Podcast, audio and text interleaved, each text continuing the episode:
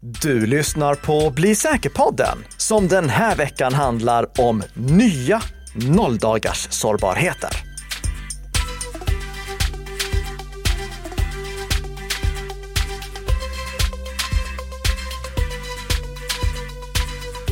Det är ju alltid lite spännande att prata om eller kanske framförallt hur vi undviker dem. Mm, exakt, och vilka lärdomar som vi måste dra av dem med anledning av någonting som vi kommer prata om nästa vecka. Mm. Men det är den veckan. är den Idag veckan. så är det den 15 september. Och detta avsnitt är inspelat den 14 september. Dagen innan. Det har alltså inte hunnit hända sådär himla mycket emellan. Det är ju också inspelat i ett oberoende samarbete mellan Nika Systems och Bredband2. Vi ska dock börja med lite uppföljningar här. Och eh, Karl Nika, du fick ju en fråga från förra inspelet där Mm. om varför eh, eh, Facebook inte kan haha, spela in oss. Hä- Hängde du med på den snygga övergången där? Nej, Nej, det, det, gjorde du jag inte alls. Nej, nej. Men, det- jag, men jag förstår frågan i alla fall. Det, och det, det, det var en fråga som jag fick från en av våra lyssnare som undrade om inte rätta vägen framåt vore att sätta fysiska brytare på mobilerna. Fysiska brytare som eh, stänger av mikrofonen så att inte den här myten om att eh, ja, Facebook och andra annonsnätverk tjuvlyssnar på precis allting vi gör via mobiltelefonerna som vi bär med oss. Som vi gick igenom grundligt förra veckan. Varför inte kan ske, varför det är tekniskt omöjligt. Och artikeln som jag skrev om det, den har för övrigt också publicerats på IDG nu. Det var kul att se. Eh, vilket ju är möjligt eftersom eh, det vi producerar är under Creative Commons-licens. Så ni kan använda väldigt mycket av det här materialet om ni vill i er egen verksamhet också. Men i alla fall. Är fysiska brytare den rätta lösningen för att råda bot på problemet med att det finns folk som tror att mobilen tjuvlyssnar på dem? Och svaret på den frågan är nej. Men jag säger inte att fysiska brytare på mobiltelefonen inte har någon funktion. Det finns mobiltelefoner, det finns till och med datorer som har fysiska knappar som användare kan trycka på för att stänga av antingen mikrofonen eller kameran eller både mikrofonen och kameran. De kan vara gjorda på två olika sätt. Det kan antingen vara en mjukvarubrytare, alltså när användaren trycker på knappen, då instrueras eh, själva mikrofonen eller kameran via drivrutinen att nu ska du vara avstängd och så är den mikrofonen eller kameran avstängd. Men det är alltså någonting som där knappen bara är liksom en eh, Eh, en enkel åtgärd där du kan trycka på någonting fysiskt för att stänga av den.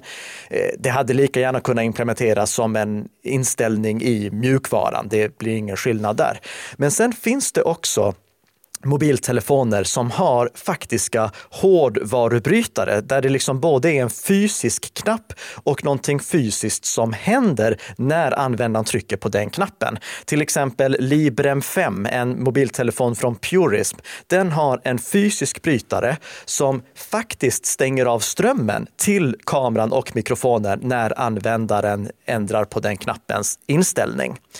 Och då stängs liksom allting av. Den funktionen, den är någonting som de som är utsatta för riktade attacker kan behöva. Vi, vi har ju pratat om, och kommer prata den här veckan också, om hur det finns spionprogram som kan infektera mobilen på så djup nivå att det här spionprogrammet går förbi alla operativsystemskontroller. Men det är bara någonting som de som till exempel jobbar inom försvaret, de som är grävande journalister och liknande behöver oroa sig för. Och de användarna, de skulle kunna använda och ha nytta av en sån här funktion som faktiskt bryter strömmen på riktigt. Men du vet, de här personerna som tror att mobilen tjuvlyssnar på dem, trots att vi har bevisat att det inte är tekniskt möjligt. Eh, alltså om de inte är infekterade, men de ligger inte i riskzonen för att bli infekterade av den typen av statsunderstödda spionprogram. Eh, de som tror att mobilen tjuvlyssnar på dem. De har ingen nytta av en sån där brytare. För vi, vi har ju bevisat att Facebook tjuvlyssnar inte på allt du säger och vi har tekniska bevis för det. Om mobilen skulle ha en sån här fysisk brytare som användaren kan slå på och av, vad kommer användaren säga då? Ja, nej men jag litar inte på att den där fysiska brytaren funkar, för jag känner mig ändå avlyssnad. Ja, det... för det, vi såg i kommentarerna där. När jag, även jag skrev ju om din artikel då, men länkar istället för att lägga upp den helt. Ja. Och kommentarerna där eh, på Facebook sen var ju att ja, men, jag och en kompis pratade om det här och så blev det så. Sen, så den känslan av övervakning eller vad vi nu ska kalla det, annonsövervakning. Mm. Eh, den är ju starkare än eh, förmågan att ta till sig den informationen som du skriver. Där tror jag i och för sig att, nu, nu menar inte jag, jag vill inte ha några fysiska knappar fler på mobiltelefonerna bara för en sån sak. Det, jag vill ha i så fall fysiska knappar till annat. Mm. Alltså ljud av och på. Alltså ljudet som för att lyssna på musik och så, fysisk knapp. Det är alltid nice. Det är mm. åt andra hållet så att säga.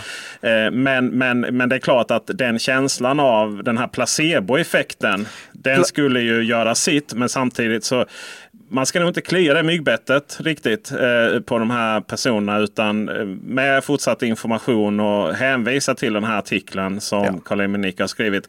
Så ska vi nog kunna få ut detta ur systemet. Ja. Vi går vidare med både en uppföljning och ett avslut kan vi säga. För vi ska mm. fortsätta prata om säkra anteckningsappar. Vi tog ju upp Obsidian som huvudämne förra veckan. Exakt. En app som du gillar och som du har introducerat mig för. Som jag också gillar. Det var väldans vilken påverkan du har på oss. Men Obsidian har ju till exempel inte öppen källkod och det finns ju vissa av våra lyssnare som föredrar det. Så vad finns det då för alternativ till Obsidian? Ja, vi, vi har ju använt två stycken huvudämnen för att prata om säkra anteckningsappar av det traditionella slaget och säkra anteckningsappar av second brain-slaget. Men det finns några appar till som jag vill lyfta upp just med anledning av att eh, vi har lyssnare som efterfrågar de här öppen källkodsapparna och där följer Obsidian i och med att det inte är öppen källkod.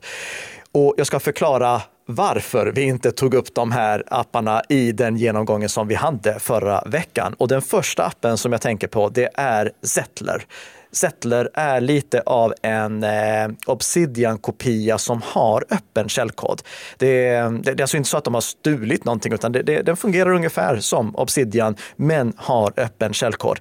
Men Anledningen till att vi inte övervägde att ta med den i genomgången är att de två kraven vi hade, det var ju att det skulle vara fullt offline-stöd och att det skulle vara totalstreckskrypterad synkronisering. Zettler har inte synkronisering överhuvudtaget. Det, det finns inte någon mobilapp att använda för Zettler. Då är det ju kört egentligen. Eh, för vår genomgång skulle ja. Men, ja, för min del. Ja, men jag vet att det finns de som tycker att jag behöver inte använda den på mobilen och jag kan synka allting själv eh, alltså säkerhetskopiera och liknande via egna molnlagringslösningar. Och du, eh, såg du förresten att iCloud fick stöd för 6 eh, terabyte och 12 terabyte lagringsutrymme nu också? Ja. Riktigt bra i och med att det är en totalstreckskrypterad tjänst om man aktiverar den funktionen.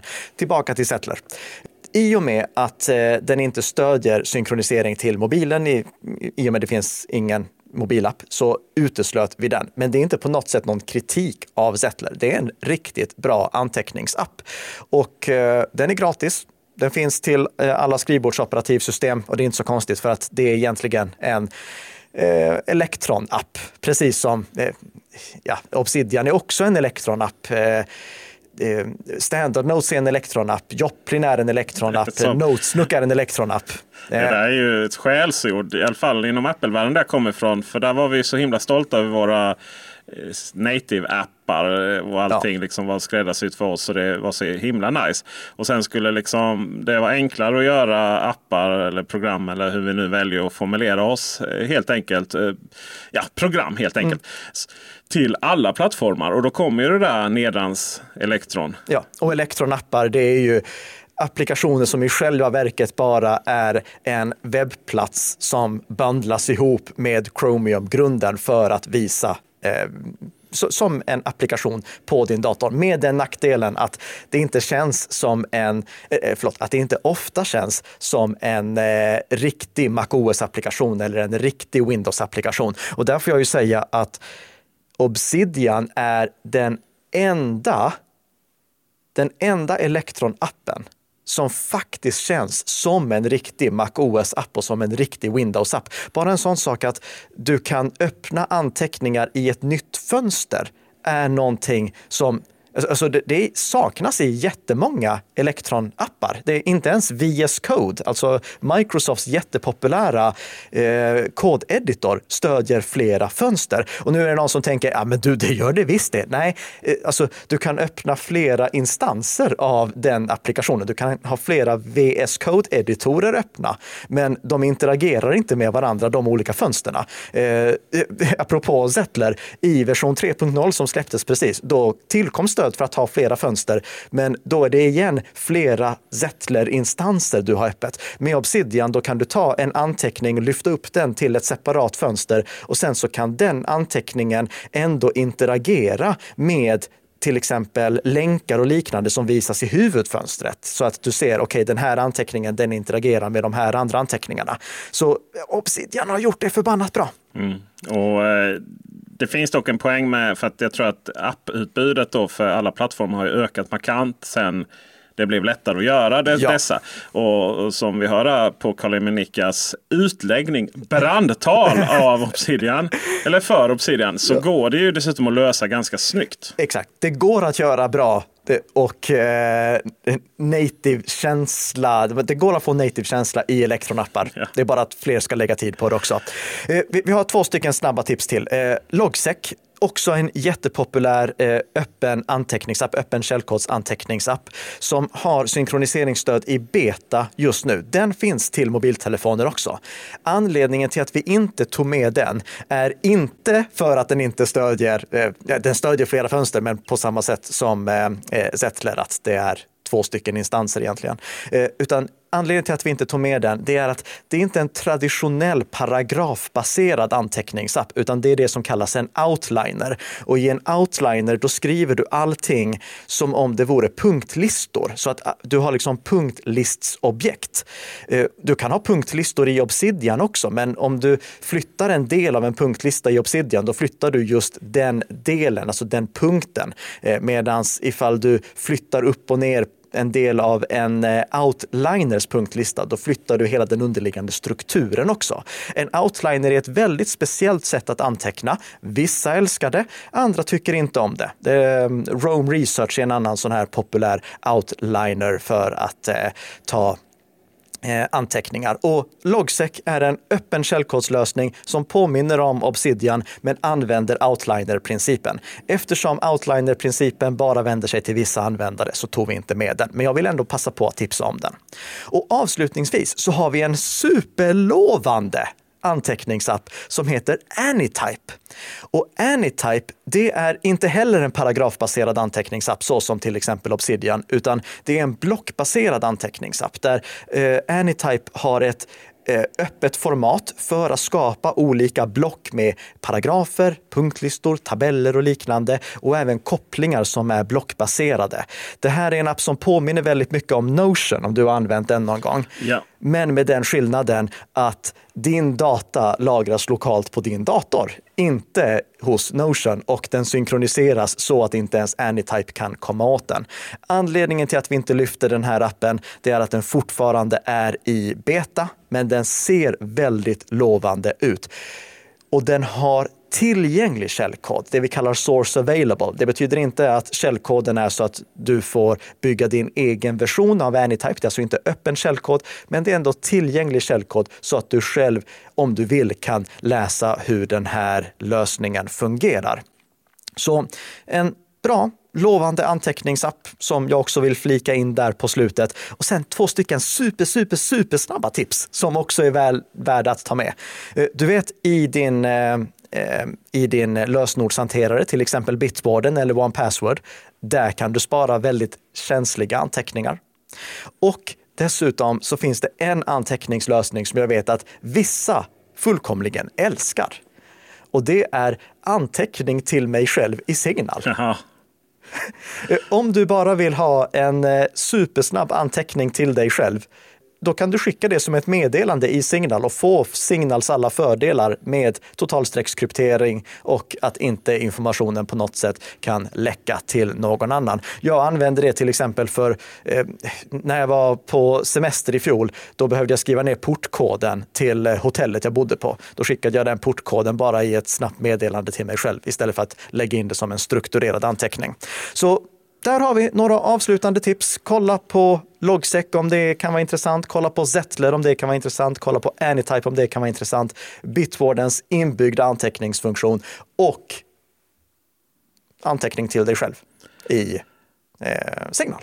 Ja, jag gillar ju det här för annars kan ju pinkoder eller sådana saker, portkoder i det fallet då. Eh, man skriver in det i sin anteckningsapp och bara skriver det för man ska ha det. Och sen så två månader senare undrar man vad var det där för ja. siffror eller, eller sådär. Men från anteckningar till e-post, mm. NordVPN. De har lanserat i beta visserligen en tjänst som de kallar Sonar. Som är en anti-nätfiske tjänst helt enkelt. Mm. Det är ett tillägg till webbläsaren. I detta fallet Google Chrome fungerar det bara med. Jag tror det funkar i Chromium-baserade webbläsare överlag. Så Men, kan det vara. Ja. Så kan det vara. Men framförallt så fungerar det bara med Gmail sen. Så när vi är inne och läser våra Gmail i webbläsaren då så kan detta tillägg säga till att ajabaja, här tror vi att någon försöker lura dig. Mm. NordVPN meddelar ju då att fler plattformar är på G. Sen om det är fler webbläsare eller fler webbmail eller vad det kan vara. Det där är inte himla tydligt. Vad som inte heller är så tydligt kanske är ju det faktumet att om vi ger tillägg tillgång till att läsa vår e-post. Så ja, ni förstår vad som händer så att säga. Vi skickar ju den datan någonstans. Mm. Och jag satt och försökte läsa igenom de här nu när man vill vara lite duktig här när man är med i Bli säker på det med Karl-Emil Nicke. Så jag satt och försökte läsa igenom det här användaravtalet. Jag kunde liksom inte hitta riktigt var den där datan skickades någonstans. Nej, och det, det, det, är inte jättekonstigt att den informationen inte är tydlig, för det här är ju en experimentell tjänst. Det här är en del av Nordlabs, eh, kallar de det. Alltså en, eh, en experimentell verkstad där de försöker hitta på bra nya säkerhetstjänster. Och jag får säga att det här är en bra idé. Mm. Det, det, det är en bra idé för att i och med att våra angripare nu får tillgång till mer och mer avancerade AI-verktyg för att skriva massmail som dessutom verkar vara skrivna på bra svenska och som dessutom eh, kanske till och med innehåller vissa personliga saker. Så med, med hjälp av AI så kan ju angripare pumpa ut massmail som försöker nätfiska attackera oss. Och för att kompensera för att angriparna har fått tillgång till de här bättre AI-verktygen så måste vi också få bättre AI-verktyg. Och jag tycker att en sån här sak som med hjälp av artificiell intelligens skannar mejlet exakt så som det ser ut vid tillfället då vi läser det det är någonting som är väldigt, väldigt smart tänkt får jag säga. Jag har anmält mig till att försöka få tillgång till den här eh, experimentella betaversionen. Jag har inte fått det än. Jag har däremot fått tillgång till eh, användarvillkoren och eh, det är viktigt att känna till att precis som med de flesta andra AI-tjänster som vi pratade om i avsnittet om etisk AI, så skickas den här informationen från webbläsaren till NordVPNs molntjänst där det här analyseras av artificiell intelligens. Och det är till och med så att den här datan som samlas in via de här mejlen får användas för träning av den artificiella intelligensen. Det står så här, citat på engelska. Please note that when you interact with Nord Lab services, Nord may use your interactions and your related usage information to improve and develop Nord Labs services and machine learning technologies. Exercise caution and discretion prior to relying upon uploading content or otherwise using Nordlabs services. Slutcitat.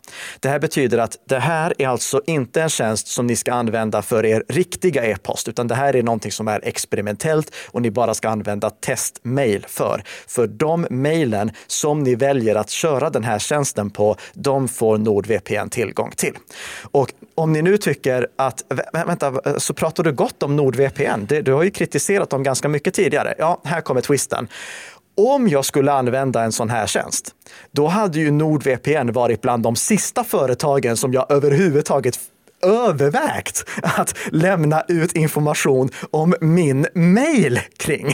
Alltså det är ju inte ett seriöst säkerhetsföretag, men själva, själva tjänsten i sig, den är smart. Alltså, och, och, och jag kan mycket väl tänka mig att när våra e-posttjänstleverantörer inser fördelen med att kunna erbjuda det här. Då skulle de på samma e-postserver som tar emot mejlen, det vill säga också ha tillgång till mejlen om de kommer in utan totalstreckskryptering, köra den här analysen åt oss när vi läser mejlet. Så i vår e-postklient så skulle vi kunna skicka tillbaka det vi ser till samma e-postserver som en gång tog emot mejlet, vilket innebär att det inte blir GDPR-problem eftersom vi redan har godkänt att använda den här e-postservern som då ska vara GDPR-förenlig. Och vi läcker inte information till ytterligare någon part. Det här är inte någonting som finns än, men det är någonting som jag hoppas att e-posttjänstleverantörerna faktiskt utvecklar vidare. För att då skulle vi kunna få en kompletterande skanning av exakt så som mejlet ser ut för oss. Tänk dig till exempel att mejlet innehåller en bild som läses in från en webbsida server. Om vi inte läser mejlet exakt samtidigt som det kommer in, då skulle bilden som laddas in kunna skilja mellan tidpunkten då e-postservern tog emot mejlet och tidpunkten då vi visade. Men det skulle vi kunna råda bot på då genom att faktiskt skicka tillbaka mejlet till vår e-postserver för att använda den AI-modell som körs lokalt på den servern för att skanna exakt den version och det utseende som vi har på mejlet när vi läser det. Så mycket bra idé från Nordlabs. Och eh, ifall eh, NordVPN en gång bestämmer sig för att bli ett seriöst it-säkerhetsföretag, då kanske det här blir intressant att köpa som tjänst från dem. Men eh, på sikt hoppas jag att det här är inspiration till seriösa e-posttjänstleverantörer att börja arbeta med någon liknande motsvarighet. Och med det sagt så är det då dags för veckans huvudämne och det handlar om nya nolldagars sårbarheter. Eller som jag brukar kalla den, vad har Adobe gjort med Acrobat denna veckan? Ja. Men jag tyckte också jag hörde en gammal häst gnägga i distans. Ja, precis. Och när vi pratar Acrobat och vi pratar flygande hästar, ja då vet ni att då är det dags att gå in på nolldagars sårbarheter igen. Alltså sårbarheter som har upptäckts i aktiva attacker utan att utvecklaren bakom programmet har släppt en uppdatering som åtgärdar dem så att eh, användarna har liksom inte kunnat göra någonting för att förhindra att de blir infekterade därigenom. Vi har pratat om aktivt utnyttjade nolldagars sårbarheter många gånger tidigare, men vi gör det i veckans huvudämne med anledning av att det är så många intressanta nolldagars sårbarheter som har upptäckts under den gångna veckan. Och ni som är erfarna lyssnare, seniora lyssnare av Bli säker-podden, ser det här som en liten påminnelse. Och ni som är nytillkomna lyssnare, ser det som information utifrån det som ni kommer få reda på nästa vecka. För då måste ni ha den här bakgrunden klar för er. Eh, det är så många intressanta nolldagars sårbarheter vi ska prata om så att vi faktiskt hoppar över de två aktivt utnyttjade nolldagars sårbarheterna som Microsoft åtgärdade i Windows och Office-paketet under den gångna veckan med anledning av patch-tisdagen och hoppar tillbaka till den 7 september förra veckan. För att då rullade Apple ut en panikuppdatering för MacOS, iOS, iPadOS och WatchOS. De hade nämligen fått information från Citizen Lab om att det fanns två nya sårbarheter i Apples operativsystem som utnyttjades, eller hade rent av utnyttjats, för att infektera en iPhone med, you guessed it, Pegasus. Den flygande hästen. NSO Groups, beryktade NSO Groups fruktansvärda ökända spionprogram som infekterar iPhones, eh, gör så att eh, den som har infekterat eh, mobilen kan avlyssna det som eh, sägs, kan komma åt positionen, kan se meddelandena och så vidare. Och det här, det var en zero click vulnerability, alltså det jag på svenska skulle vilja kalla en nollinteraktionssårbarhet. Om ni har bättre förslag på tips på svenska så får ni jättegärna höra av er. Man behöver inte göra någonting för att bli infekterad helt enkelt. Exakt. Det enda som användaren behövde göra var att ta emot ett iMessage-meddelande och du kan inte förhindra att du tar emot ett iMessage-meddelande. För på grund av två stycken sårbarheter, eller minst en av de här två, vi vet inte exakt hur de hänger ihop. Citizen Lab ska återkomma med mer information, men jag berättar det vi vet än så länge. Så kunde en eh, angripare helt enkelt bara skicka en, eh, ett specialpreparerat iMessage-meddelande som då på något sätt hade någonting med Passkit att göra och därigenom få tillgång till mobiltelefonen. Låst läge som vi har pratat om skyddade faktiskt mot det här. Så det är ytterligare en bra påminnelse om att de som är i riskzonen för att drabbas av den här typen av attack bör aktivera låst läge. Och riskzonen, nu pratar vi om politiker. Högt uppsatta politiker. Eh, journalister. Grävande journalister. Ja. Ja, ja. inte poddare kanske. Vi pratar om människor, eh, människorättskämpar och eh, Exakt. alla som är i utsatt position. Att aktivera detta på telefonen eller på iPhonen låser ju ner den till så den nästan inte blir användbar för vanligt folk. Så att ja. säga. Och Det den till exempel gör det är att stänga av förhandsvisning av bilagor, vilket jag misstänker var det som räddade de som hade aktiverat låst läge. Apple skriver själva när de förklarar eh, de här sårbarheterna att citat, bearbetning av en bildfil med skadligt innehåll kan ge upphov till körning av opolitlig kod. Apple känner till en rapport om att det här problemet kan ha utnyttjats aktivt och en bilaga framtagen i skadligt syfte kan resultera i att en kod körs godtyckligt. Apple känner till en rapport om att det här problemet kan ha utnyttjats aktivt. Apple släppte sedan den 11 även uppdateringar till eh, de två näst äldsta versionerna av MacOS, alltså MacOS 11 och MacOS 12, samt till iOS 15. Så Apple fortsätter i samma spår att underhålla de tre senaste versionerna av MacOS och de två senaste versionerna av iOS och motsvarande iPadOS då såklart också. Men... Eh, det är inte gott nog. Då.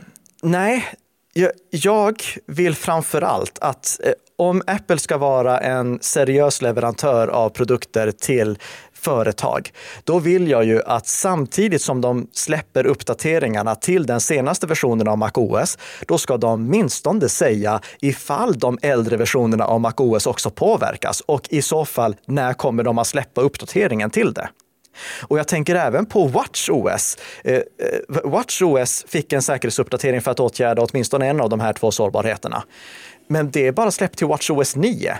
WatchOS 8, som är den senaste versionen av WatchOS som eh, vi ska se, Watch, eh, Apple Watch Series 3 kan köra. Riktigt som... gammal är den eh, klockan redan ja, när den släpptes. Ja, det, det, den, är gam, den var gammal, men den sålde ändå Apple fram till i somras. Yep. Apple själva sålde den fram till förra sommaren. Det där var ju en sån här långkörare som bara fanns för det var billig. Liksom. Ja. Och jag vill ju Apple berätta åtminstone om den är sårbar eller inte.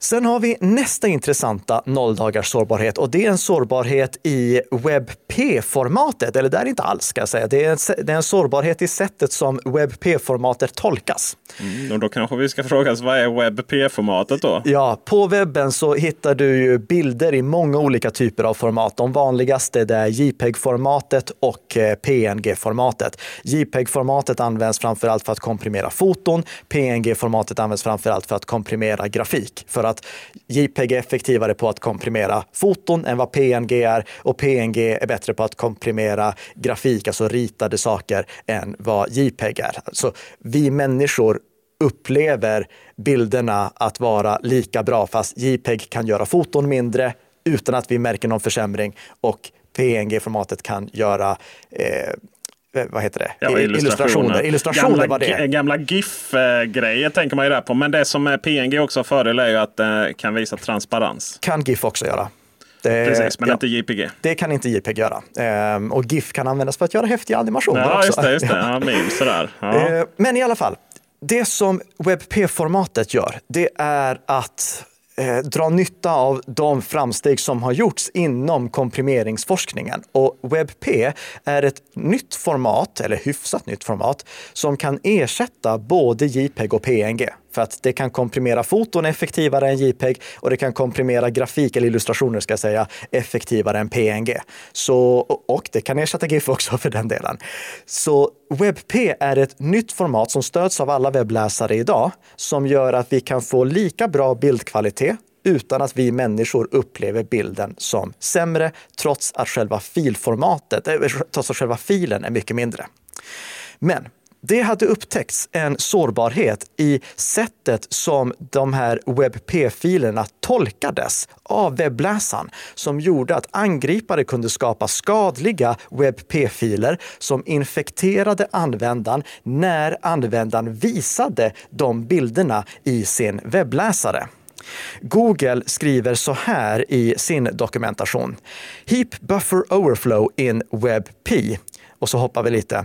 Google is aware that an exploit for ZVE 2023-4863 exists in the wild. Alltså Google vet att den här sårbarheten, den, den, utnyttjas aktivt. Google åtgärdade den sårbarheten den 11 september och eftersom Google då också åtgärdade det i Chromium-grunden så betyder det att även Microsoft Edge och Brave har möjlighet från och med då att faktiskt åtgärda buggen i sina webbläsare. Och det gjorde de. Den 12 september, dagen efter, då släppte Microsoft en uppdatering till Microsoft Edge. Microsoft skriver citat Microsoft has a fix for ZVE 2023-4863 to Microsoft Edge Stable and Extended Stable Channel så hoppar vi lite i citatet, which has been reported by the Chromium team as having an exploit in the wild. Slut citat.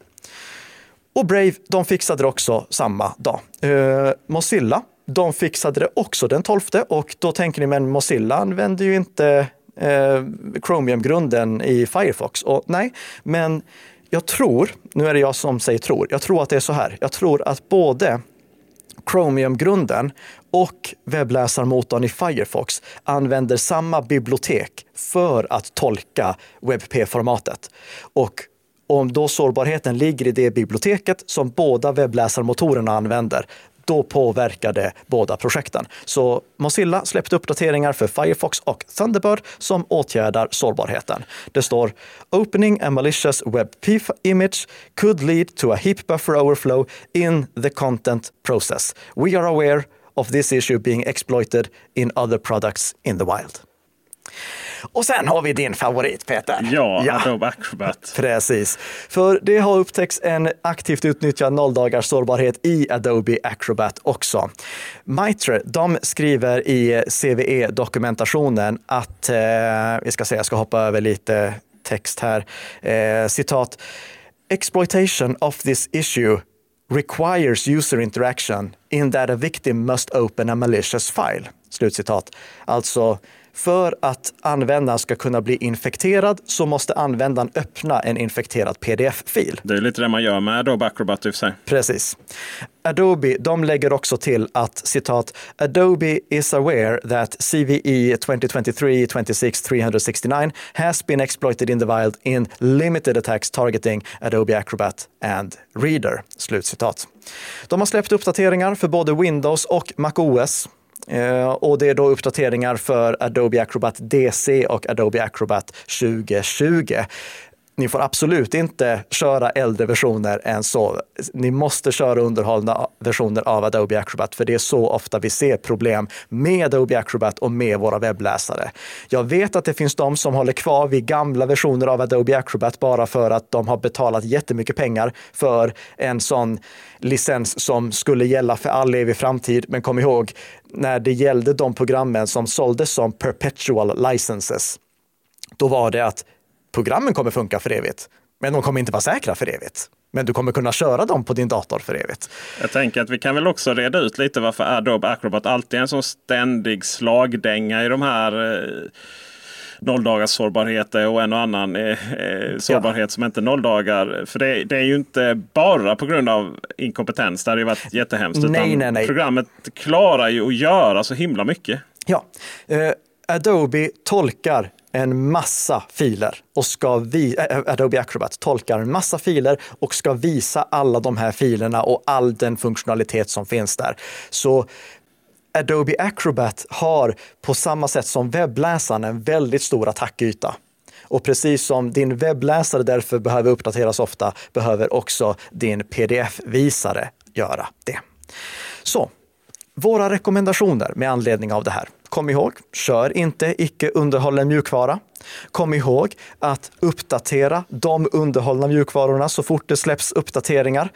Och, och det gäller ju då till exempel nu som på patch-tisdagen när det kom massa uppdateringar. Det är en av de uppdateringarna som Microsoft släppte som jag hoppade över. Den var inte riktigt en nollinteraktionssårbarhet, eh, för du behövde faktiskt förhandsvisa en Word-fil för att eh, den skulle kunna utnyttjas. Men det räckte att du förhandsvisade den för att en angripare skulle kunna stjäla din så kallade NTLM-hash som används för autentisering. Den ja. Är, ja. är det, hur är det nu? Det är första tisdagen varje månad? Första tisdagen, förlåt, andra tisdagen varje månad. Andra tisdagen varje månad ja. naturligtvis i och med att vi är mitten av månaden. Ja. Men det är inte alla eh, utvecklare som följer det, men många gör det. Däribland Microsoft och eh, Adobe. Eh, sen så vårt månatliga tjat, ni har hört det här många gånger tidigare. Varför tjatar vi så mycket om det? Jo, för att det är viktigt. Och för att om du följer de här rekommendationerna, att bara köra, und bara köra underhållen mjukvara och installera uppdateringarna så fort de släpps, då kommer du ha väldigt stor glädje av det som vi berättar nästa vecka. Och det vill du såklart inte missa, så passa på att prenumerera på podden så får du redan nästa fredag nästa spännande, teasade avsnitt som kommer att göra dig lite säkrare och göra ditt liv lite enklare för nästa vecka som går. Så får det bli. Konstigt. Ja. inte perfekt övergång där känner jag. Det är inte 10 av 10, men den duger. Vet ni vad? Tack så jättemycket för att ni har lyssnat den här veckan. Vi hörs nästa vecka igen. Hej då!